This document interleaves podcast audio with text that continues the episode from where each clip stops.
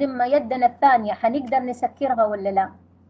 هذا حالهم مع المسنين. المسنين يعني يحتاجون مثل اليد الأخرى. يعني دحين لبسنا الساعة بيدنا ما قدرنا نسكرها لكن أنا لو استخدمت اليد الأخرى حقدر أسكرها. كبار السن من حولنا في بعض المهارات هم يقدروا يعملوها بنفسهم زي ما إحنا لبسنا الساعة بنفسنا. لكن في وما بعضنا قدر إنه يسكرها بنفسه. استخدم أسنانه استخدم ضغطة السرير استخدم أصابعه مثل الأستاذ خالد. لكن البعض احتاج إنه يكون مثل اليد اليمنى عند إغلاق الساعة. هذا لحالنا مع كبار السن. إحنا نحتاج إنه نشعر كبار السن بالسعادة. هم ما في إنسان طبيعي جدا من الفطرة السليمة إنه كل إنسان يحب يشعر بالسعادة. اليوم إن شاء الله إحنا حنتكلم عن مفهوم السعادة لدى كبار السن حنتعلم أو حذكركم بعض الشغلات اللي هي موجودة في حياتنا بس يمكن بعضنا ما يعرف إنه هذه أنا لو عملتها حسعد كبير السن حنتكلم عن كبار السن اللي هم إيجابيين آه، شيخوختهم. آه، نشطة شيخوختهم إيجابية في صفات إحنا دورنا نساعدهم في إنهم هم يمتلكوا هذه الصفات أو إذا كانت موجودة عندهم نعززها. خلال المفاهيم الثلاثة حظهر دور أفراد الأسرة والمجتمع في تحقيق سعادة كبار السن. دائما السعادة مطلب إنساني طبيعي جدا. ما في إنسان في الحياة إلا وده يكون سعيد. وأهم مكون من مكونات الصحة النفسية هي السعادة. لو سألتكم متى أنت تشعر أنك أنت سعيد؟ شخص حيقول لي أنا يوم أكون راضي عن وضعي أكون سعيد. أنا قانع بما عندي من النعم من الخيرات من العلم كل شيء. أنا أكون سعيد. آه شخص يقول لك أنا يعني يوم أشعر هو شعور بالسعادة أنه أنا فرحان. شيء إيجابي. آه في ناس عرفوا السعادة أنه هي حالة من التناغم النفسي والإنجاز والأمل. يعني أنا آه أنجزت إذا أنا سعيد. أنظر للغد بصورة مشرقة إذا أنا سعيد. الطمأنينة هذا شعور بالسعادة. الحمد لله ما عندي شيء يوهقني ما عندي شيء يؤرقني. أنا أشعر أنه أنا سعيدة. هذا عرفوني أنه السعادة. تحقيق الذات نوع من أنواع تعريف السعادة. طب نيجي نشوف ما يهمنا اليوم. بمناسبة اليوم العالمي للتوعية للحد من إساءة معاملة كبار السن. دائما عكس الإساءة على طول مرتبط فيها مشاعر سلبية. ألم. بأي درجة من درجات الألم. آه، ما في. ما في إيذاء ما في إساءة إذا في رضا في سعادة آه، ماير يقول السعادة بالنسبة لكبار السن الرضا عن الصحة النفسية والجسمية وعن عفوا الصحة الجسمية وعن العلاقات الاجتماعية إذا إحنا دورنا في الاثنين هذه إذا إحنا كنا مقدمي رعاية يوم أقول مقدمي رعاية إذا كانوا آه، طاقم طبي أو مقدمي رعاية عايشين مع كبار السن أو إحنا نكون مقدمي خدمة لكبار السن. أنا أعمل في بنك أشخاص من كبار السن من عملائي أعمل في سوبر ماركت في أي مكان. دائما شعور المسنين ان هم سعداء يكونوا راضيين عن وضعهم الجسمي وعن علاقتهم الاجتماعية. ليش دائما لو تلاحظوا كل الناس تركز على العزلة الاجتماعية عن كبار كبار السن تأثيرها عليهم طبيعي جدا. الإنسان بطبعه اجتماعي. أنا أعزل عن الناس أعزل عن المجتمع. اللي أحبه فحدخله في مرحلة حزن. إذا خرجنا من مشاعر السعادة إلى مشاعر الحزن والأسى. في تعريف جميل ذكرته سحر فاروق في كتاب السعادة عند المسنين. آه، السعادة تجسيد لنموذج حقيقي. تشمل فضائل ستة المعرفة الحكمة الحب الشجاعة العدالة الإنسانية. هذه الفضائل الستة لو إحنا قسناها مع كبار السن وعرفنا كيف ننميها ونحققها إحنا نشعرهم بالسعادة. يوم أنا أستفيد من خبرتهم من معرفتهم من علومهم من طاقاتهم القديمة والمتجددة إذا أنا أسعدتهم. آه هم أصحاب حكمة لو استشرتهم. يوم نتكلم عن المسنين المدركين طبعا يمكن آه، إلا في عالم المسنين عالميا صنف المسن من بلغ 60 عام. آه، أنا بالنسبة لي في بحثي حق الدكتوراه قلت المسن بالنسبة لي من بلغ 65 عام. مو بس كده حدثت له تغيرات فسيولوجية. إذا أدت أنه هو يعتمد على الغير في تلبية تلك الاحتياجات. هذا يولد عنده عدم آه، إحساس بالأمان. لأنه الخدمة اللي تقدم له مرتبطة بأشخاص بمجرد ما الشخص يختفي إذا الحاجة دي ما حد حيلك فيها. لأنه في حياتنا في مسنين عمرهم 79 و80 سنة وعايشين طبيعي ما يحتاجوا الناس.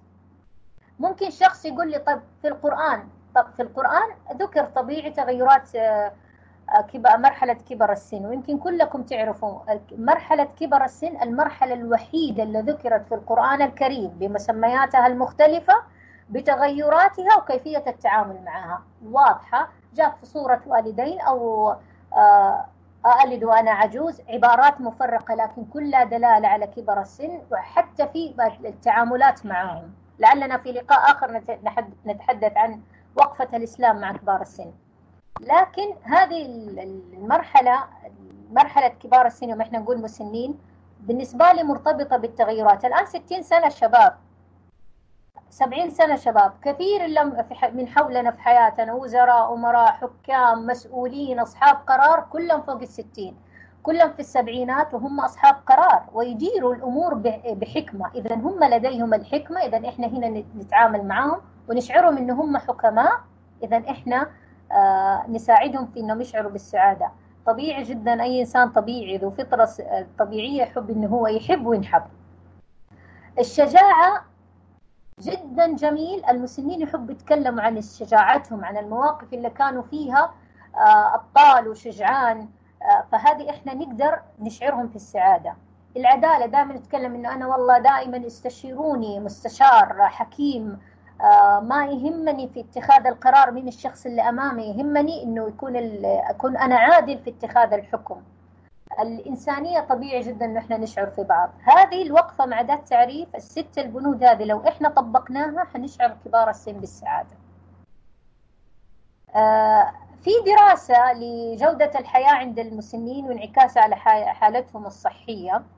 آه آه نتيجة الدراسة هذه إنه وجدوا إنه المسنين عندهم استعداد إنهم يقبلوا على الحياة، المعلومات المغلوطة عند بعض الناس إنه خلاص كبير إيش يبغى؟ كلها يومين ويموت، لا هو ما بيموت. بيعيش إلى 70 إلى 90 إلى 80 سنة، أنا على ما ربي إحنا ما ندري متى تجي المنية لنا أو لا، لكن عندهم استعداد إنهم هم يتقبلوا ويقبلوا على الحياة، لكن في شرط. بمساعدة الآخرين ومساندتهم. لأنه طبيعي جدا التغيرات في مرحلة الشيخوخة وتختلف من مسن إلى آخر لكن يحتاج إلى مساعدتنا في القرآن ذكر يعني من بعد قوة ضعفا وشيئا طبيعي جدا لكن الضعف يختلف من مسن لمسن آه، فلذلك إنه إحنا نقدر نسعد كبار السن بمساعدتهم. والسعادة ترفع الروح يعني دائما ترفع لو شعر المسن إنه هو سعيد الروح المعنوية عنده تكون عالية وثقته بنفسه بإمكانياته تزداد. آه، بالتجارب الميدانية وبالسماع مع كل الناس اللي عندهم كبار السن كل ما أشعرنا كبار السن إن هم عمرهم مش عبء علينا خدمتهم مش عبء علينا كانوا هم سعداء. حتى سألوني طب إحنا كيف ممكن آه، نحقق السعادة لكبار السن؟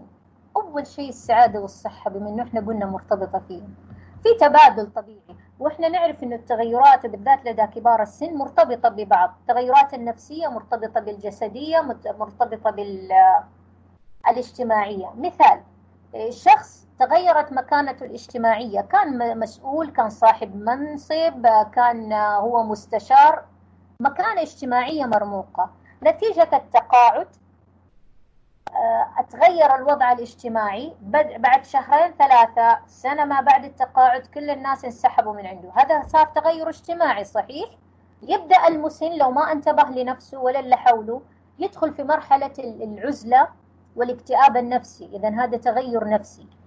لو صاب بتغيرات نفسية بعد كذا الاكتئاب وملحقاته وأمراض الجهاز الهضمي كل يوم يشتكي من آلام في المعدة وتبدأ تتدهور صحته. وقيسوها على جميع الجوانب. تغير جانب من جوانب عند كبار السن يؤثر في بقية الجوانب. فلذلك الصحة جدا مهمة والاهتمام فيها. إحنا نقدر نشعرهم بالسعادة لو اهتمينا بصحتهم. آه لذلك إحنا كأفراد أو كناس مقدمي رعاية متابعة الحالة الصحية لكبار السن جدا مهمة. نحافظ على مواعيد الأدوية الطبية. ترى التلاعب في مواعيد الأدوية هذه تعد إهمال وصنفت نوع من أنواع الإيذاء الذي يسقط على كبار السن. إهمال إنه إحنا ما وفرنا لهم جميع المستلزمات الطبية هذا إهمال. اذا في المقابل عكس الإهمال عناية. أنا لو أمنت لهم جميع المستلزمات الطبية حيكونوا هم سعداء. وهذه ترى جدا سهلة. نحتاج نضبط الساعات فقط. نحتاج إن إحنا نعمل إن كان عندنا مسن في الأسرة سواء كنت أنا بمفردي أو معي خادمة أو أخواتي يصير في ضبط منبه للمحافظة على دي الشغلات. إنه إحنا دائما نوديهم على مواعيدهم الطبية. المسن لو اشتكى من ألم معين إحنا لازم نوديه للطبيب. ممكن شخص يقول لي طيب إحنا وهذه صارت معانا. كل يوم يقول أنا تعبان ودوني. عادة كبار السن بعضهم ما يشتكوا الألم. إذا كانت الأسرة كلها مهتمة لكن إذا بعضهم عند في إهمال من الأسرة تجد كبار السن ممكن هو دائما يشتكي وده يعني يبين لهم إنه أنتم لازم تهتموا فيا. أنا مريض أنا تعبان. لكن إحنا في النهاية نقول لازم إحنا نروح بيهم على الطبيب وهو يشخص الحالة. هذه كلها تشعر كبار السن بالسعادة. الاستراتيجية الثانية تقدير الذات. طبيعي جدا كبير السن هو بشر أنا وأنتو كلنا نحب الناس تقدرنا وتقدير الذات حاجة فطرية. الإنسان يحب يشعر إنه هو معزز مكرم له قيمة له مكانة. فتخيلوا هذا إحنا شباب. لو شخص أساء لنا بكلمة أو أساء إلى كرامتنا بكلمة إحنا نثور ونغضب. نقول بالعامي كذا نقول داس على كرامتي ما أقبل. طب تخيلوا هذا كبير السن اللي كان صاحب منصب اللي كان هو كبير في العائلة اللي كان هو المسؤول اللي كانت هي المربية لأبنائها. فجأة تفقد هذه. فإحنا هنا لازم نعرف إنه رفع معدل تقدير الذات عند كبار السن يشعرهم بالسعادة. آه تقدير الذات كل ما رفعناه هو يمثل طاقة. يعني كيف تجي طاقة هذه؟ إحنا كيف نشعلها لدى كبار السن؟ لأنها تمثل عن تتكلم عن نجاحات. هي يعني كل ما الإنسان نجح في عمل ما يرتفع تقدير الذات عنده. في أنواع تقدير ذات مكتسب آه ممكن الشخص يكتسبه من خلال إنجازاته وإحنا هذا نقدر إذا كان المسن عندي تقدير الذات عنده مكتسب. أنا أخليه دائما يتكلم عن إنجازاته لأنه هو هنا بيشعر بالرضا. كل ما آه ما كل نجاحاته آه خليه يتكلم عنها فهذا يشعر بالرضا. دورنا إحنا كل ما عمل كبير السن إنجاز معين ولو صغير إحنا نقدر هذه النجاحات حتى لو كانت صغيرة. آه في تقدير ذات شامل هو يفتخر بنفسه هذا مرتبط بالنشأة. لا أنا كنت مسؤول ولا كنت ثري ولا كنت صاحب علم ولا أي شيء في الحياة. أتربى على أنه معدل تقدير الذات في الأسرة كشخص عنده عالي. هذول عندهم طاقة إيجابية عالية ومرتبطة بالنشأة إحنا هنا دورنا اللي يجيني بالأصل كبير سن عنده تقدير الذات مرتبط بالنشأة أنا بس أعززه. هذا دورنا لأنه أوتوماتيكلي بالطبيعي هي موجودة عنده. في بحوث أجريت أنه تقدير الذات العالي للمسنين يساعدهم أنهم يتكيفوا مع الشيخوخة. طبعا أنتم تعرفوا في 15 نوع من أنواع المسنين أنماط المسنين. وفي أنماط مسنين في التكيف مع مرحلة الشيخوخة في منهم دفاعي قهري. آه بعضهم ما يرضى أنه هو يكون مسن يبدأ يدخل في الصدامات. لكن لو تقدير الذات عندهم عالي حيقدروا يتكيفوا مع الشيخوخة.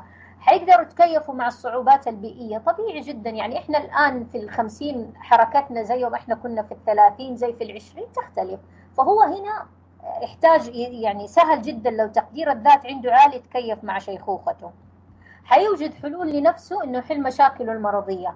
فجميل جدا. ترى اللي عندها مسن ساعات تقول والله أبويا ما يسمع الكلام. إحنا نقول له لا تطلع كثير لا تمشي لا تروح. إحنا من باب البر ساعات نكون سبب تضررهم. فخلوه بس في إنه تكون البيئة من حوله آمنة خلوه يمارس حياته. إحنا كيف نرفع تقدير الذات لدى كبار السن؟ ننصت دائما للمسنين. هذا يشعرهم بأنهم مقدرين وان هم محور الاهتمام حتى لو كانوا يتكلموا بطريقة بطيئة أو كلامهم مكرر. آه نعجب برأيه إن كان حكيم وصحيح ونعززه أمام الناس. وإن كان رأيه ما عجبنا لأنه الاختلاف الآراء ترجع بناء على التربية والقيم والمعتقدات والأفكار لدى كل واحد مننا فنختلف طبيعي في الآراء. اختلفت مع كبير السن ناقشته بهدوء وجدت إنه هو متمسك برأيه. ترى خلاص خلوه على حاله. لكم رأي له رأي وأنا لي رأيي في النهاية إحنا بنتناقش زي ما بنختلف مع بعض مع الزملاء في العمل. وبنتقبل هذا الاختلاف. إذا الأوجب عشان نشعر المسنين بالسعادة إنه إحنا نتقبل رأيهم. آه، دائما نطلب منهم إنهم يتحدثوا عن طفولتهم عن شبابهم يقصوا حكايات نجاحهم ومراحل حياتهم اللي اعتزوا فيها. آه، أخبروا المسن ساعات في يعني مثلا آه، تجينا مسنة أخبريها اللي تتميز فيه. ممكن تقولي أمي تطبخ الجريش ولا أحد بعدها أمام الناس. هذا يشعرهم بالسعادة. ترى طبيعي جدا الإنسان يحب يتكلم عن إنجازاته والناس يعني تتكلم عن إنجازاته. اشعروهم إنهم هم محبوبين؟ آه إن هم حتى لو كبروا حتى لو وضعهم الصحي صعب لو إنه إحنا يعني نبذل جهد في العناية فيهم إنه إحنا لا نزال نحبه وهذا بالأصل يعني رد دين. إحنا اللي بنعمله لهم ترى مو تفضلا ولا تكرما. إذا كان الله سبحانه وتعالى في القرآن يقول كما يعني وقل رب ارحمهما كما ربياني صغيرة يعني هي رد الدين مش إنه تفضل وتكرم. آه، دائما اعطوا كبار السن رسائل وتوقعات إيجابية عن وضعهم الصحي. كيف؟ ممكن يجي يقول لك والله رجلي تعبانة راسي تعبان أنا ما عاد أتذكر ما عاد أقدر أمشي. إحنا هنا دور لا ما شاء الله أنت الخير والبركة لا تقدر. الرسائل الإيجابية عند مختلف الفئات تؤثر فيهم من ضمنهم كبار السن. آه بعد كده السعادة عشان إحنا نشعر كبار السن الأمور كده تمام أستاذة موزة؟ كملي مستمتعين دكتورة. كملي الله يسلمك السعادة والرضا. آه، برضو في دراسة عن جودة الحياة عند المسنين وجدوا أنه في آه، وعلاقتها بالعافية الاجتماعية والبدنية والنفسية والدينية والبيئية. هذه كلها لاحظوا أنه عوامل جدا مهمة في تحديد جودة الحياة والرضا عن السعادة. إذا أنا هنا أشتغل على آه، رفع معدل الرضا عندهم. كيف أرفع معدل الرضا عندهم؟ أشبعهم اجتماعيا أشبعهم بدنيا أشبعهم نفسيا ودينيا وأجعلهم يعيشوا في بيئة آمنة. ترى جدا سهل. فدائما إحنا دورنا نخليهم ان هم يشعروا بالرضا عن حياتهم حتى لو هو مرة مريض. دائما نذكره بنعم الله عليه وإنه هو أفضل من غيره كثير. آه نخليهم إن هم يكونوا راضين عن علاقتهم فينا إحنا في الأسرة يكون في تكاتف في تواصل مع الأحفاد مع افراد المجتمع. هذه جدا يعني جميلة جدا إنه لو رفعنا معدل الرضا عندهم عشان يشعروا بالسعادة. في عوامل يعني إحنا كيف نتعامل معاهم؟ دائما آه، حخلوهم يحافظوا على العلاقة الروحية. آه، الدين ويمكن الحمد لله إحنا في مجتمعاتنا ترى هذه الدراسة حتى لو في المجتمعات الغير مسلمة هم لهم علاقتهم ودينهم المرتبط فيهم. فوجدوا في دراسات وأبحاث إنه المتدينين واللي يروحوا للكنيسة أو إحنا عندنا المساجد آه، عندهم الطمأنينة مرتفعة ومعدل الرضا عندهم عالي. هذا يشعرهم بالسعادة. فإحنا ما نمنعهم من العبادات ما نمنعهم من الصلوات ما نمنعهم من أي شيء. بالعكس نكون معينين لهم في ذلك الأمر على الذكر على كل شيء لأنه يشعرهم بالسعادة. آه، دورنا كمان إنه إحنا نجعلهم يتقبلوا الحياة. آه، في نشاط عملته دكتورة إيلين في بيوت المسنين. إيش سوت؟ عشان كيف يتقبلوا الحياة؟ قسمتهم لمجموعتين. مجموعة كل شيء موفر عندهم بدون ما يطلبوا. كل الاحتياجات اللي تتوقعوها ملباية عندهم بدون طلب. المجموعة الثانية ما كانوا يحضروا لهم الأشياء إلا بعد ما هم يطلبوا ويختاروا بنفسهم كبار السن من عدة بدائل. 18 سنة آه، عفوا 18 شهر لقيوا أن المجموعة الثانية معدل السعادة عندهم ارتفع وتحسنت صحتهم. ليش؟ كانوا جزء من المشاركة جزء من اختيار الحل المناسب لهم. فإحنا دائما عشان نسعد دورنا كأفراد عشان نسعد كبار السن نخليهم جزء من الحل نخليهم جزء من إنهم هم يختاروا آه، ما يحتاجوه. وأنا أتكلم عن المسنين المدركين بعيد عن مريض الزهايمر أو اللي عنده الخرف الوعائي أو غيره. لكن عموما حتى لو كان عمره كبير خلوه جزء من الحل. طب تقولي لي ساعات يجيب حلول مش كويسة. أنا أقول لك الحل اعطي له حلين كلها صحيحة وكلها كويسة وخليه هذه البدائل وخليه يختار. يا واحد يا اثنين. هنا حيشعر بالسعادة. بس أهم شيء يوم يختار واحد مش أنا أجي أقول كمقدم رعاية اثنين لا أعطيه بديلين كويسة وتصب في مصلحته هذا يشعر. آه نجرب نجلس مع كبار السن آه جلسة تفكير وتأمل. هذه جميلة. كذا في مكان مروقين مع كاسة الشاي مع القهوة مع اللي يحب المسن آه جلسة يتذكر فيه عن آه يتحدث فيه عن إنجازاته ونجاحاته. وحيكون أجمل لو إحنا دوننا تلك النجاحات. وكتبناها كذا لكبير السن في الكمبيوتر وممكن مع صورة ننزلها في حسابنا في تويتر. ما تصدقوا قديش حي يعني حيكونوا هم مبسوطين وهم سعداء. لكن احرصوا على إنه إحنا نهيئ لهم المكان المناسب. ليش؟ عشان استدعاء معلومات من القديمة من الذاكرة تحتاج وقت شوي. فإحنا نهيئ لهم المكان مش وسط صخ صخب ويكونوا معانا الأحفاد وزحمة. نقول له طب كلمنا عن القضية الفلانية. وبين قوسين على حسب نمط المسن. ممكن المسن يتجاوب يحب النمط العائلي ممكن مسن لا. فهنا هذه يتأمل كذا وياخذ وقته حيعطينا شيء جميل من إنجازاته. من الشغلات لازم نحدد نسبة الرضا عند المسنين. حتقولوا لي كيف؟ حقول لكم. دائما يسألون لما يقولوا لكم هذه حتى في الاستشارات الأسرية ساعات إحنا نتعامل مع الشباب والشابات يعني اللي سنهم صغير نسألهم نحاول نحدد. آه يقول لك أنا مثلا مسن يقول لك أنا ماني راضي عن الأكل اللي أنتم بتقدموه لو أنتم كنتوا في دور رعاية. آه طب ليش انت قديش انت ما انت راضي؟ طب ليش مو ليش ما هو إيش اللي مو عاجبك في الأكل؟ آه ممكن يقول لكم ما يحب الشوربة ما يحب لونها طبيعة الأكل الزيت أي شيء أو الطريقة اللي تقدم فيه. طيب إيش اللي عاجبك؟ كل ما إحنا ضيقنا الفرصة المساحة عليه نبين له إنه هو عنده نسبة 90% رضا 10% هذه يوم نحصرها نقدر ألبيها. بس لا تخلوه دائما يقول أنا مو عاجبني حالكم زي اللي تصير مع كبار السن يقول والله أنا مرة عاجب مو عاجبني حالكم جيل دحين مو عاجبني حالهم. طب نسأله إيش اللي مو عاجبك فيهم؟ طب ما فيهم شيء مرة عجبك؟ يجي يقول لك لا والله إنه هو يجي يسلم يحب على راسي إنه هو يشتري لي. اذا هو في أشياء نبين لهم إنه لا في في أفكار جيدة وفي رضا. حنرفع إحنا هنا معدل الرضا. نقدم لهم دائما الدعم والمساندة الاجتماعية. اجلسوا معاهم أكثر وأطول وقت ممكن وخلوهم يجلسوا مع ناس يحبوهم ويرتاحوا معاهم.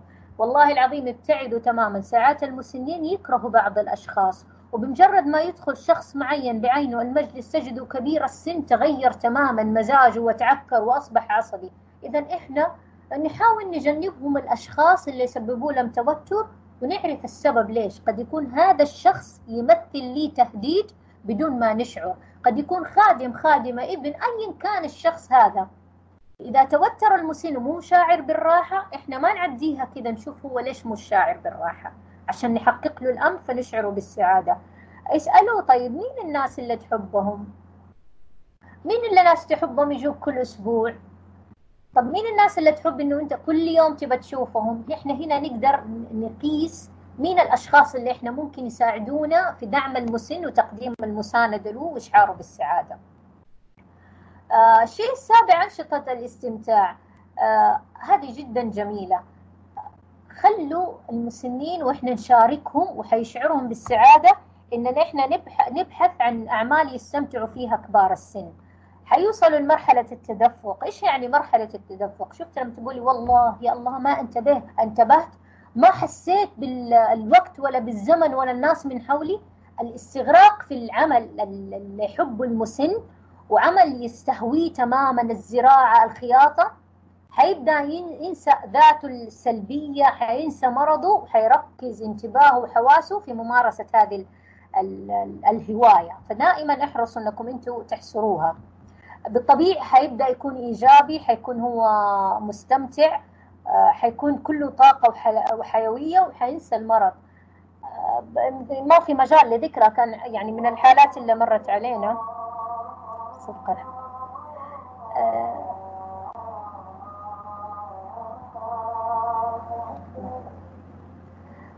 كان مسن يمرض كثير نتيجة التغيرات. لكن بعد ما صار يروح ويجي ويسافر ما عاد عنده المشاكل اللي كان يعاني فيها. فدائما خلوهم يغلقوهم في أنشطة. لا تتركوهم للوحدة والعزلة ويقعدوا يجلدوا ذاتهم ويبكوا على الماضي وندخلهم في دروب نفسي ومشاكل آه مشاكل نفسية. مثلا في كان مسن من المسنين آه يهتم بأنه يجمع الصحف اليومية. تخيل شوف النشاط اللي بنسيه. يعني ينسى مشاكله آه في الخاصة بكبر السن. كان يلخص الأحداث اليومية سياسية طبية اجتماعية ويحفظها في ملف. متخيلين كم ساعة حيجلس؟ هذا كله في نعم وصل لمرحلة التدفق. إذا هو ما عنده بعد كده وقت يشتكي آلامه وهمومه.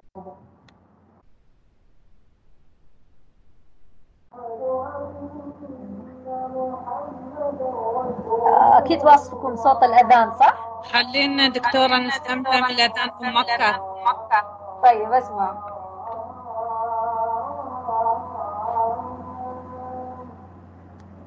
خلينا نسمع الصوت. أي والله. أي والله.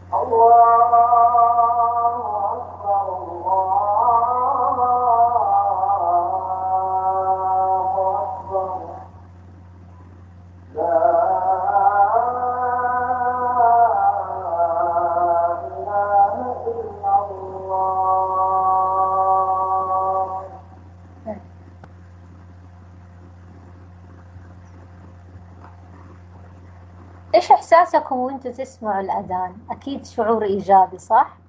فتخيلوا كبار السن إذا كانوا يحرموهم من سماع الأذان أو من آه، الذهاب للمساجد. ما أتكلم خلال جائحة كورونا أتكلم البعض اللي يقولوا ما في أحد يروح معاه ما في أحد يرافقه.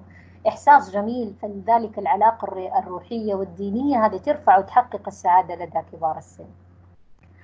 آه، من الاستراتيجيات السعادة والأفكار الإيجابية. إحنا دائما لازم نساعد كبار السن انه إحنا ندعم الأفكار الإيجابية عن نفسهم عن حياتهم وضعهم الصحي. لاحظوا دائما نركز عن الوضع الصحي لأنه هو اللي سبب خلل آه يعني في العلاقات الاجتماعية مع كبار السن مرتبطه فيها تغيرات مثلا سمع ضعف سمع بصر ممكن ينعزل اجتماعيا. فإحنا لازم أفكارهم الإيجابية حتى لو سمعه ضعيف حتى لو هو تركيزه قليل كل دي الشغلات إحنا دورنا نسعده ندعم عندهم الأفكار الذاتية والإيجابية عن نفسهم. كيف؟ في مهارة اسمها مهارة ضبط الذات. آه جدا مهم إنه إحنا نراقب الذات عند كبار السن. أي فكرة سلبية تيجي عن نفسهم والله إحنا وجودنا تعب معاكم نعيقكم عن الحركة ما بنروح معاكم نسبب لكم إعاقة يا ولدي ما أقدر. إحنا هذه أي فكرة سلبية ولا يقول أنا مريض طول الوقت خلاص انتظر الموت. الأفكار السلبية كلها بأن مختلف أنواعها إحنا هنا نراقبها. بعد كده أبدأ شيء اسمه ضبط المثيرات. أشوف متى تجي له هذه الأفكار. هل هي مرتبطة بموقف؟ هل هي مرتبطة بأشخاص؟ آه، هل هي مرتبطة بأي شيء حوله؟ فإحنا نبدأ نراقبها ونضبطها. بعد كده لو عرفنا الأسباب إحنا حنبتعد عن الأسباب والمسببات. آه، فإذا تقل الأفكار الذاتية والسلبية عن كبار السن عن أنفسهم. بعد كده نعزز الذات الإيجابية بعد ظهور السلبي لو أنا وقفت الشعور السلبي لا أنت وجودك معانا بركة. ما يهمك إحنا حنخرج حنقعد مكان نختار مكان يناسبك. الشغلة ما يعني الخرجة بدونكم ما تسوى.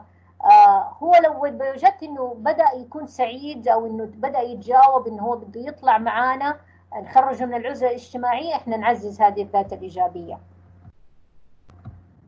من الاستراتيجيات السعادة والتعليم، طبعا في خرافة.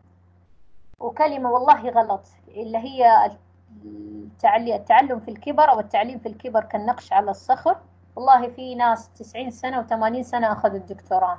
ناس بيتعلموا إلى ما شاء الله. حفظت كتاب الله. أصع يعني القرآن في حفظه يحتاج. آه، في سبعين وثمانين سنة بيحفظوا القرآن وبيختموه. كبير كبار السن يقدروا يتعلموا مهارات جديدة وكل حسب إمكانياته العقلية والصحية والاجتماعية. فالخرافة اللي تقول كبار السن ما يتعلموا أنسوها تماما. يتعلموا بما يتناسب معهم ويلبي احتياجاتهم ويتوافق مع ميولهم ورغباتهم. فالتعليم بأي مختلف أشكاله ممكن يتعلم حرفة ممكن يتعلم مهنة ممكن يتعلم لغات ممكن أي شيء. آه، فوق الستين إلى ما شاء الله ممكن هم يتعلموا. إحنا دورنا كمجتمع كأفراد إنه إحنا نخليهم يتعلموا كل شيء جديد. حتى في دور الرعاية حتى في الأندية اللي يذهبوا لها كبار السن نخلي عندهم حصة في الأسبوع أو شيء إنه يتعلم مهارة جديدة. في مسنين تعلموا مهارة التصوير على كبر. آه، كان هو عنده مثلا مهارة الرسم هو شاب ما تنمت إحنا ممكن هو كبير إحنا نعمل له دروس رسم شخص يعرف يتعامل مع كبار السن. فدائما إحرصوا على إنهم يتعلموا شيء جديد يشعرهم بالسعادة. السعادة من الطرق إنه إحنا نشعرهم بالأمن. الأمن والامان الأمان داخلي إنه هو يشعر آمن مطمئن طبيعي جدا. الأمن من في البيئة المحيطة تهيئة المكان بما يتناسب. السيراميك هذا اللي كثير من كبار السن يزحلقوا وتكسروا عشان إحنا نحب السيراميك هذا كله غلط. الإضاءات إحنا نبى الجو الرومانسي والإضاءات الجميلة هذه كلها تضر بالمسنين فإحنا لازم نجهز بيئة آمنة لكبار السن ونشعرهم بالأمان كيف أنا كمان أشعرهم بالأمان الداخلي إذا المسن يشكو من تهديد آه خادم سائق. خادمة ابن زوجة ابن أي شخص في الحياة يهددون إنه نوديك دار المسنين يهددون إنه ما يودوه الطبيب يهددوه بعدم إحضار الأدوية كل أنواع التهديد اللي تخل بالأمان الداخلي إحنا دورنا كأفراد أسرة كمجتمع نرفع عنهم هذا التهديد. على طول في إجراءات رسمية متبعة ونبعد عنه مصدر التهديد تماماً. فدائما نشعر إنه هو آه مطمئن على نفسه وماله. المسنين المدركين اللي عيالهم ياخذوا فلوسهم بطاقات الصراف يسحبوا زي ما يبغوا. آه يصرف تجد إنه بعض الأبناء وإن كانت قليلة يأخذ صرافة الأب أو الأم يكونوا كبار سن وكمان الدخل جايهم من الضمان الاجتماعي ويش ويصرف على أسرته على أبنائه وزوجته عندما يطلب الأب أو تطلب الأم يقول لا ما في فلوس. هو في الواقع عايش على مصروف على دخل الأب والأم. آه، فإحنا لازم إنه هو يكون آه، يشعر بالأمن من هذه الناحية الأمن العقلي إنه دائما إحنا ننتبه آه، والعبارات اللي دائما تقول للمسلمين أنتوا تنسى لا أنت ما أنت مركز هذه تخليه ما يركز يكون هو ممكن مركز أكثر مننا. ونفس الشيء ممارسة عبادة الدينية هذه كلها تشعر بالأمان فيحتاج إنه إحنا نوفر له هذا المكان. السعادة والرياضة والله الرسول صلى الله عليه وسلم يقول تحركوا يعني فيما معنى الحركة بركة تمام؟ أو ما أدري مين اللي يقولها حتى لا أنسب غلط. آه، الحركة بركة ودائما فترة الصباح اللهم بارك لأمتي في بكورها اتركوا كبار السن يمارسوا حياتهم في الصباح الباكر. هم نشأتهم كانت كانوا نهاري النشاط. من بعد الفجر يشتغلوا إلى المغرب. ما عندهم مشكلة في النهار. فخلوهم يمارسوا حياتهم. عشان إحنا ساعتنا بيولوجية مختلفة عنهم. ننام النهار ونصحى الليل فنخرب لهم حياتهم كلهم ككبار سن. فإحنا هنا نخليهم يرتبوا أمورهم يمارسوا الرياضة. الشخص اللي يقول لي أنا أمي مقعدة والدي سريري في أنواع من كل الرياضات لكل الحالات موجودة حتى في الإنترنت. آه، كيف المسن اللي على كرسي إيش أنواع الرياضة المناسبة له؟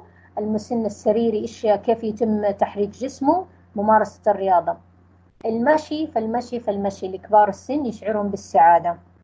فاغرسوا احرصوا أنكم أنتم تغرسوا عادة ممارسة الرياضة وخصوصا المشي لدى كبار السن.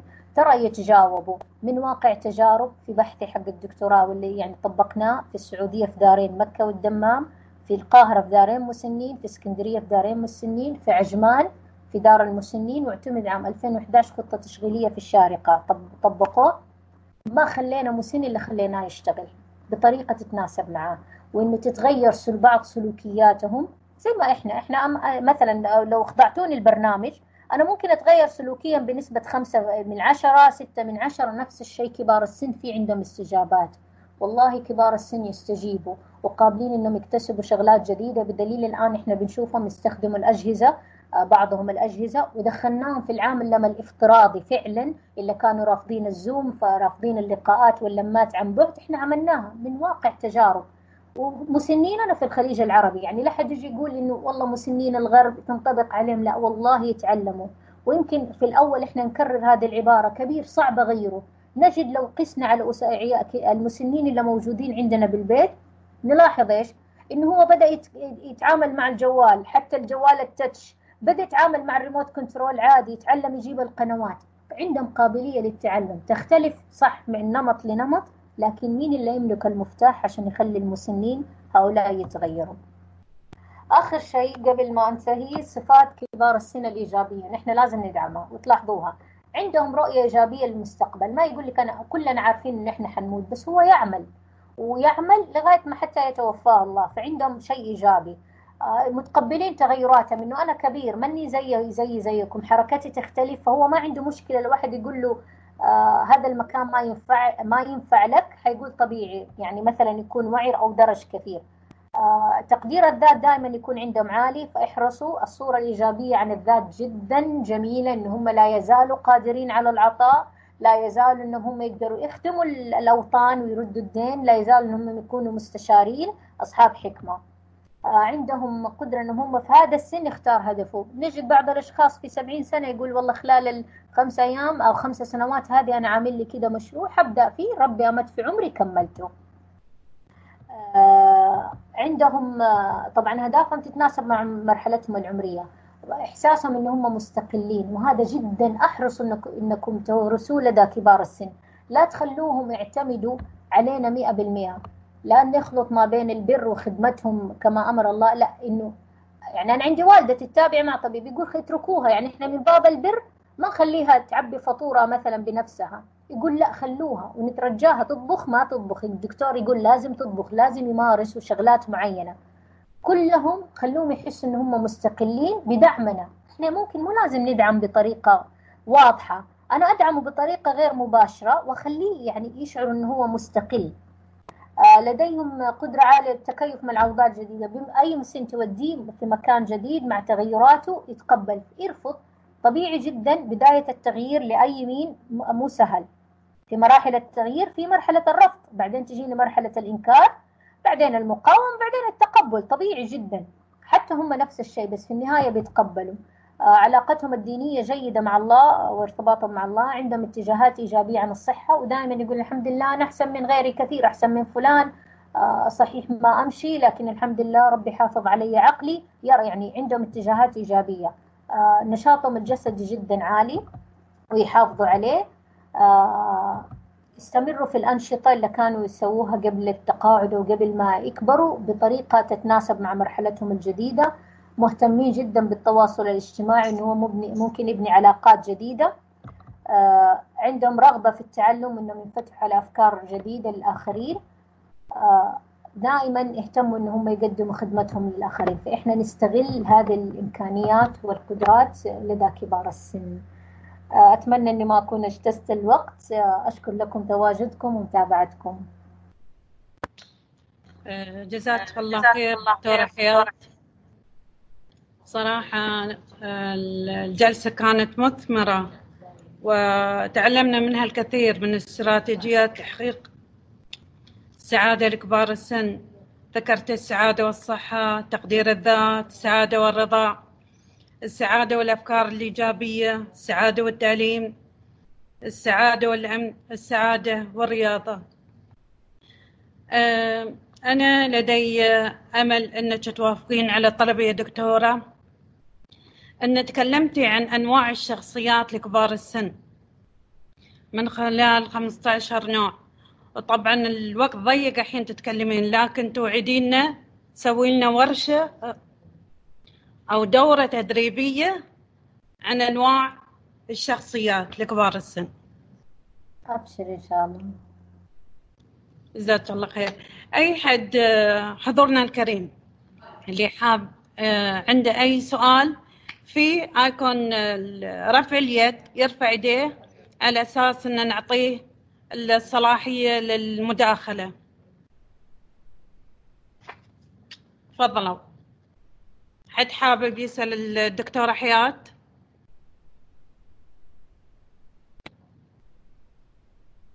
تفضلي خط فاطمة.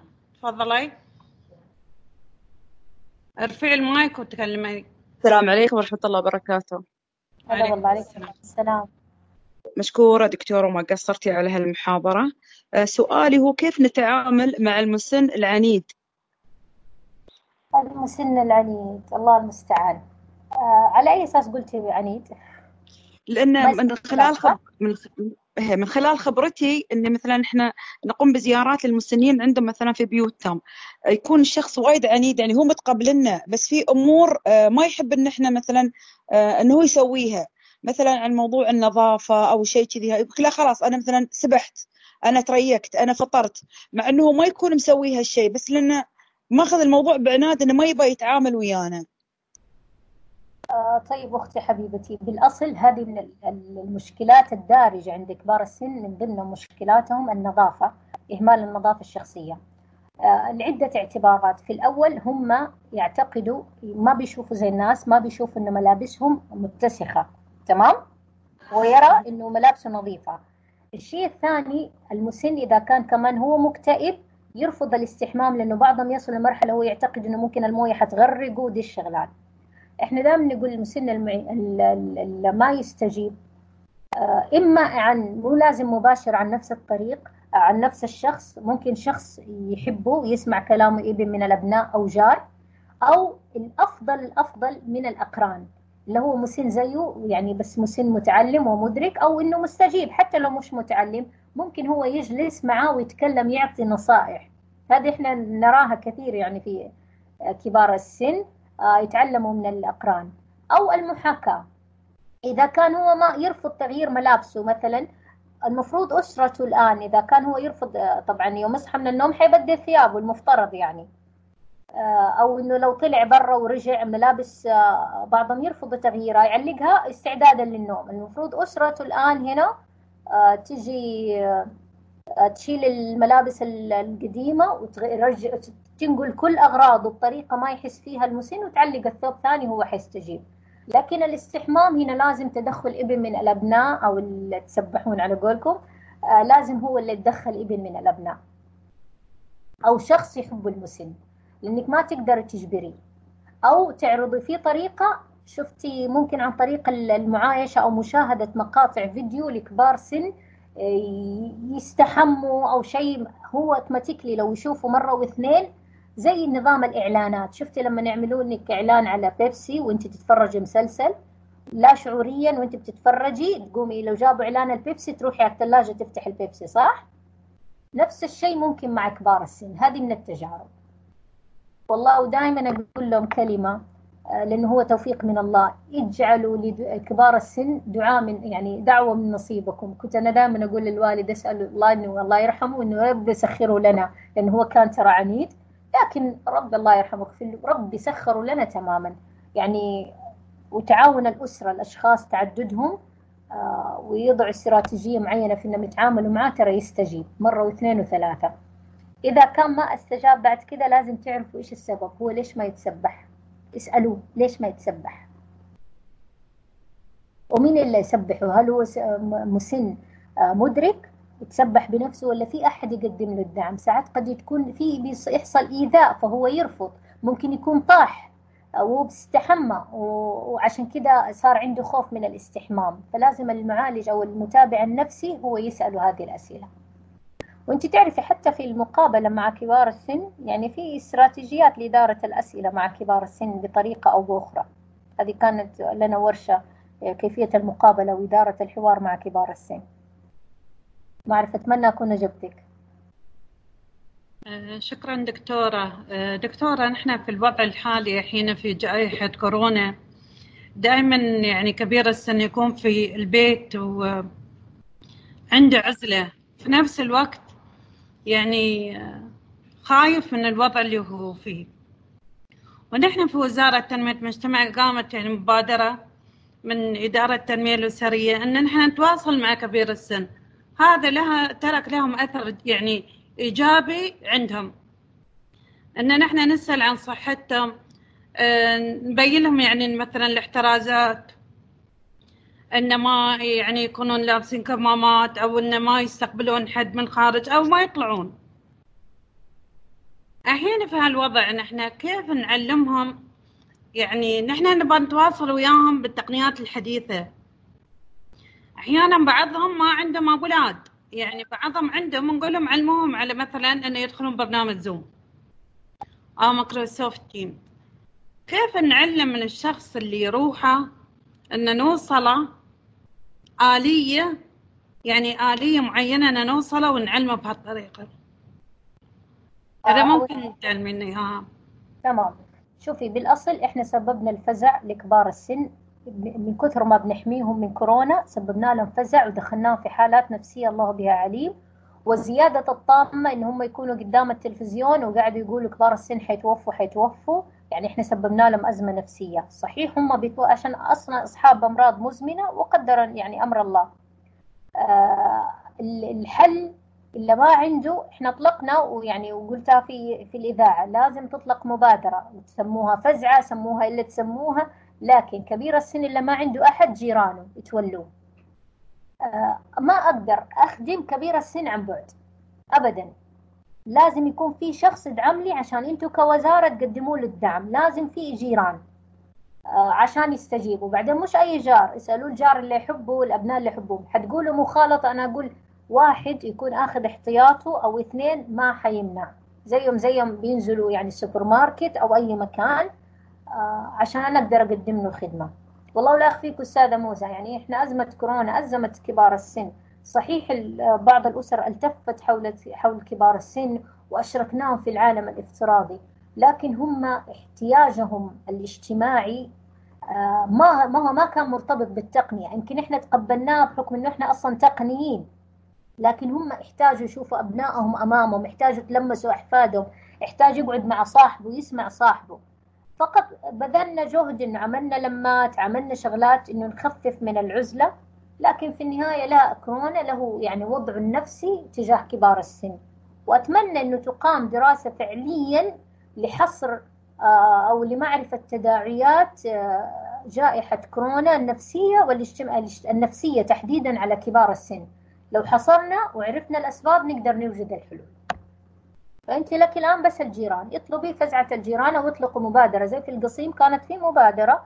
نزلوا لكبار السن في بموافقة من الأمارة. نزلوا لمنازل كبار السن المتطوعين وقدموا لهم كل الخدمات اللي إحنا اللي هم يحتاجوها. فأنتوا تقدروا كده عن طريق الفرق التطوعية أو الدعم الجيران. في حد رافع يده خليني بس أشوف من آه عليا الجوكر تفضلي. أستاذة عليا. مديرة إدارة التنمية الأسرية. السلام عليكم دكتورة. آه، حبيت أشكرك وايد على المحاضرة. صراحة هي محاضرة أكثر من رائعة. وكفاية أن سمعنا صوت الأذان في مكة. صراحة هاي روحها كانت راحة نفسية. وشيء ثاني كنت بقول عن كبار المواطنين أن أهم شيء أن يعني للعوائل اللي عندهم كبار مواطنين الصبر. مثل ما هم صبروا علينا يوم كنا صغار نصبر عليهم الحين يوم هم كبار. الصبر وايد مهم.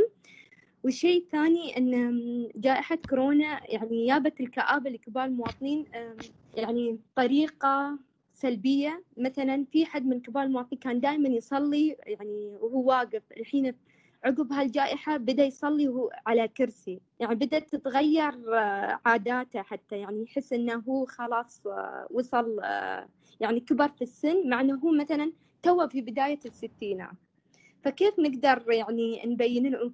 وفي شيء ثاني بعد إنه مثلا هم روحهم يتابعون عدد الشفاء وعدد الحالات اللي موجودة في في الدولة. فهم هالأشياء دائما روحهم يتابعونها ويخليهم يفكرون دائما أفكار سلبية. نحن نحاول مثلا قد ما نقدر نخلي الوالد ما يشوف هالأخبار بس هو يتابع بأول بأول. يعني هو يكون عنده الأبديت أكثر عنه.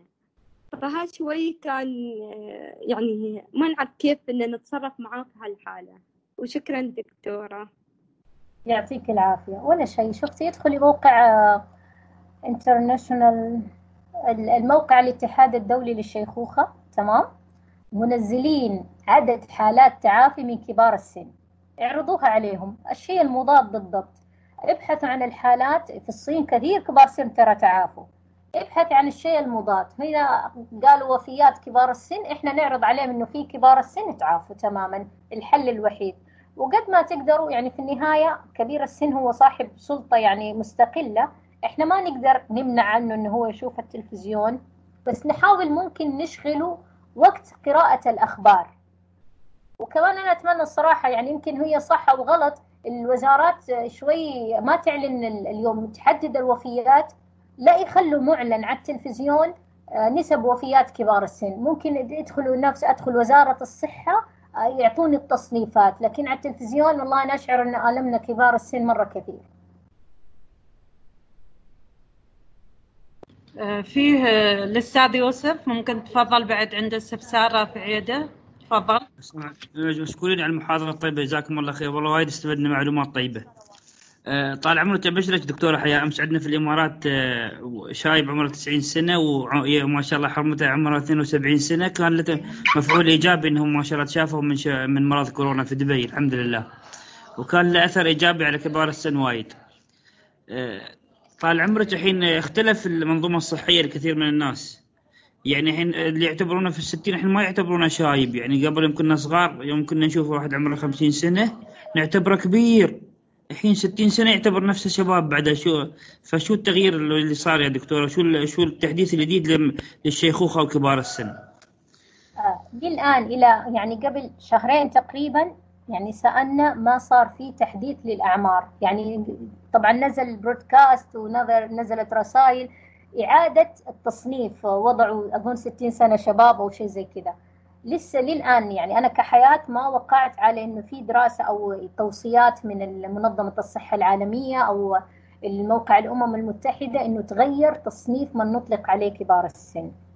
أنتوا تعرفوا إيش مشكلتنا إحنا في يعني في عبارة كبار السن؟ المشكلة الصورة الذهنية آه، أولا أتمنى أنه كنا رديت على ما يخص شأنك إنه ما للآن ما في تحديثات فحنقول 60 سنة هو أو إذا بعض الناس ربطوها بالتقاعد زي الكويت 65 سنة. آه، في النهاية هو شباب. آه، لكن إحنا إيش مشكلتنا كلنا؟ نخاف إنه أحد يقول كبار السن. في صورة نمطية ذهنية إنه كبار السن فئة مستضعفة كبار السن ما يعني عالة وعبء على الدولة وعلى الأسرة. هذه الصورة النمطية تمام؟ إحنا صغار آه، كانوا يقولوا لنا مثلا أو نقرأ أو نشوف إنه كبير السن من في الإعلام. مشكلتنا إحنا كلنا تبرمجنا اعلاميا. آه كبير السن مسكين ضعيف الناس تضحك عليه. داخلنا إحنا شايفين إنه هذا ظلم وقهر فنرفض بس ما إحنا عارفين. فيوم نوصل لسن كبر السن أنا تيجي الصورة الذهنية القديمة إنه أنا خلاص حصير مستضعف وضعيف والناس ممكن ما توقرني. فالمفروض الصورة الذهنية عن كبار السن ترجع إنه كبار السن زي ما كانوا الصحابة فوق الستين منجزين معطائين لغاية ما يموتوا المحدثين الفقهاء الوزراء الحكام. ترى كلهم كبار سن كانوا. لازم نغير إنه كبير السن لغاية ما يتوفى هو ممكن يكون أمير ممكن يكون ملك ممكن يكون وزير ممكن يكون منجز. فإحنا ما نخاف من مرحلة كبر السن. لكن النمط الإعلامي خلانا نخاف من كلمة, كلمة كبير السن. ولا العمر عبارة عن رقم. كبار السن ساعات شخص أو امرأة عمرها السبعين سنة تخدم في بيتها يمكن لديها ابنة عمرها 18 20 سنة ما تقدر تشتغل في البيت مثل الامرأة هذه. صح ولا لا؟ آه، في سؤال نعطي مداخلة للأخت سمية. يكون السؤال الأخير. تفضلي سمية. سمية الشامسي. السلام عليكم ورحمة الله وبركاته. عليكم مرحبا السلام. دكتورة. حياك الله ما قصرتي؟ شرحك جميل ووافي وكافي. صراحة استمتعنا بالمحاضرة الجميلة بس للأسف إن الوقت خلص. يعني كنا نتمنى تكون أطول ويكون يعني تكون آه، مجال أكثر آه، للمشاركة وإلى آخره. أنا ما بزيد على كلامك آه، شيء لكن عندي آه، ملاحظة مش ملاحظة آه، أول شيء أنا الشامسي رئيس نادي الأصالة مسؤولة عن برامج وفعاليات كبار السن. بس بغيت أطرح تجربتنا في مجال رعاية كبار يعني المسنين أو كبار المواطنين. آه، وخاصة يعني فترة يعني كيف كنا وكيف أصبحنا في زمن ال- الكورونا. نحن في البداية آه، عندنا نادي يسميه نادي الأصالة. هذا النادي يجمع كل المسنين اللي مسجلين عندنا. واللي طبعا آه، الشروط هي شروط الانتساب يكون له رغبة لأن أنت ما تروح تجبرينهم تقولها سيري غصب أو شيء ثاني خالي من أمراض وهو يعني المسن يكون آه مثلا نحن نجيب المسن هذيلا اللي اللي اللي هم محتاجين إن يكونون يشغلون يعني نشغل إحنا نستثمر. ما, ما نقول نستغل لأن دائما يقولون استغلال وقت فراغ كبير السن. إحنا ما نستغل بالعكس إحنا نستثمر وقتهم هم الخير هم البركة. فمن خلال تجربتنا آه، مع كبار السن. آه، ما شاء الله ما شاء الله ما شاء الله. أنا أول ما جيت عندهم أنا في الخدمات الاجتماعيه كنت شفت عينات مختلفة من المسنين. في العنيد في اللي كان صاحب نفوذ في اللي كان آه، هي سيدة الموقف في اللي كانت الفقيرة اللي ما لها كلام. يعني ف آه، يعني أنا أنا ما عندي ما عندي دراسة اجتماعية كيفية التعامل مع كبار السن لكن من خلال يعني من خلال الانخراط وياهم من خلال آه، الممارسات اليومية وياهم. عرفت أفهم آه، كل وحدة شو احتياجها؟ يعني صاحبة الثروة مش محتاجة حد يعني يخدمها صح ولا لا؟ يعني عندها خدم عندها حشم لكن محتاجة حد يكون معاها خاصة إن عيالهم في فترة الصباح اللي في الجامعة اللي في المدارس اللي في العمل. فما في حد معاهم هالصبح من مثلا نقول من الساعة 7 الصبح لين الساعة 4 أو لين الساعة 3 حسب دواماتهم تشوفين كبير السن هذا جالس في عزلة في منزله. بتق- بتقولي بتروح السوق بتخلص من السوق بعدين بتشوف آه، بتشغل التلفاز بتخلص برامج التلفاز. الرادع لابد إنه بتجلس على الكنبة أو في لحظة ان هي تفكر. هذا ما ياني ليش؟ هذا ما سو... فهني يبتدي العامل النفسي آه، يشتغل عنده.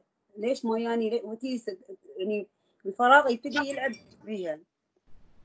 بعدين تدخل في الانتكاسة النفسية عقب تدخل في الانتكاسة المرضية. لكن يوم بدأت تتخالط مع الناس أو مع شرائح مختلفة آه، من المسنين. في النادي أو عندنا فتشوفين اللي صاحبة النفوذ سوت يعني اللي تكون أنا أنا بس كانت يعني إذا كانت طول حياتها عايشة على نمط ان هي سيدة الموقف بدأت تنخرط مع فئات ثانية وبدأت تقدم تنازلات. واللي كانت تخاف تخالط استوت ما شاء الله شجاعة. واللي كانت يعني نماذج يعني مختلفة استوت عندي. ما شاء الله تبارك الرحمن أنا تأسس عندي أول فريق قوي لفئه كبار السن. وبالاضافه انه نحن نحن ننافس الشباب في كل مجالات آه، الحياة يعني آه، نشارك في البرامج الرياضية نشارك في الفرص التطوعية نشارك في الدورات التدريبية. عندي ما شاء الله أمهات مبدعات. كانت عندي وحدة تستحي حتى تجلس معانا دائما متغشيه ومتغطية. مع ال- الممارسات أمي انت تقدرين أنت لازم تسوين أنت عندك عندك عندك. فما شاء الله تسوت متحدثة إعلامية. يعني يوم يكون في تصوير تقول أنا جاهزة. ما عندها خارج عنها الخوف عند استوى عندهم آه، آه، مثل قبل كانت تقول أعيش عشان أربي عيالي. الحين تقول لا أعيش لنفسي أهتم في نفسي. يعني حاولنا نزرع نحن هذا هذا المفهوم. مو إذا أنت بخير كل اللي حولك بخير. إذا أنت طحتي الكل بيتعب من وراك. لازم تحافظين على نفسك تاكلين صح تمشين صح تمارسين حياتك بشكل, بشكل طبيعي. اللهم لك الحمد يعني نحن شغالين على هالشيء مع شرائح متعدده يعني مختلفة من ال- العقليات ومختلف بيئات مختلفة من كبار السن الحمد لله بس إن ال- اللي حسيناه في في زمن الكورونا إن المسنين يستوون بيننا وبينهم بعد لكن إحنا كسرنا هذا يعني هذا الحاجز شغلنا زوم وس- وسوينا جروبات على الواتساب نتصل جماعي نرمس بعض في. بدينا قبل كنا آه، كانوا ياخذون تحفيظ قرآن في في المركز أو في النادي. عندي الحين نفتح حصص زوم لتحفيظ القرآن. نفتح حصص زوم. اخت سميه لو تختصرين يعني مداخلتك عشان الوقت. أنا خلصت. أنا بس كنت أضي... آه، آه، أضيف تجربتي للمحاضرة الجميلة. جزاك الله خير. جزاك الله خير. حلو استثمار آه، فكرتكم في استثمار آه، كبار السن. الله يعطيكم العافية يا رب. شاكرين لك دكتورة وجزاك الله خير آه، على هذه ال- المعلومات القيمة والثرية لبركة الدار لأبهاتنا وأمهاتنا اللي موجودين واللي الله يرحم اللي فقدناهم. ونحن دورنا الحين كجهات وكأشخاص إن نحن نتعامل وياهم بكل سعادة وإيجابية. آه، نكرر شكرنا بالأصالة عن وزارة تنمية المجتمع وعن الحضور ونتمنى أن نجدد لقاءاتنا معاك يا دكتورة حياة. بإذن الله إن شاء الله. وشكرا لكم للاستضافة شكرا لوزارة تنمية المجتمع شكرا لك أنت أستاذة آه، موزة اللي دائما تواجدك معنا وهمتك في تطوير خدمات كبار السن. يعطيك العافية. شكرا شكرا جميعا. في لقاءات ثانية إن شاء الله. ومساءكم سعادة. تشكرون جميعا. تصبحون على طاعة الرحمن. مع السلامة.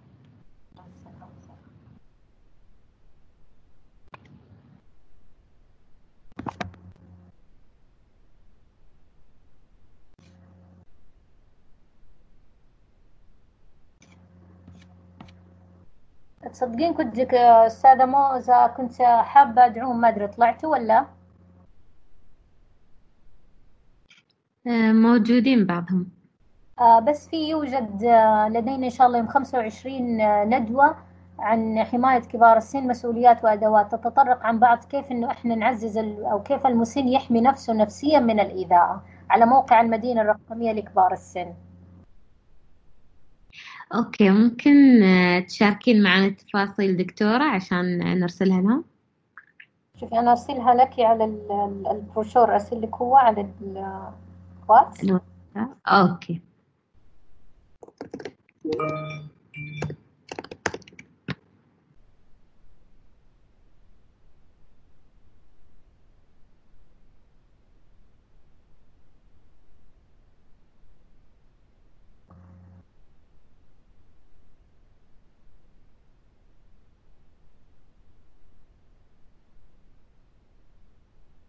تم تحويله حبيبتي. الله يعطيك العافية.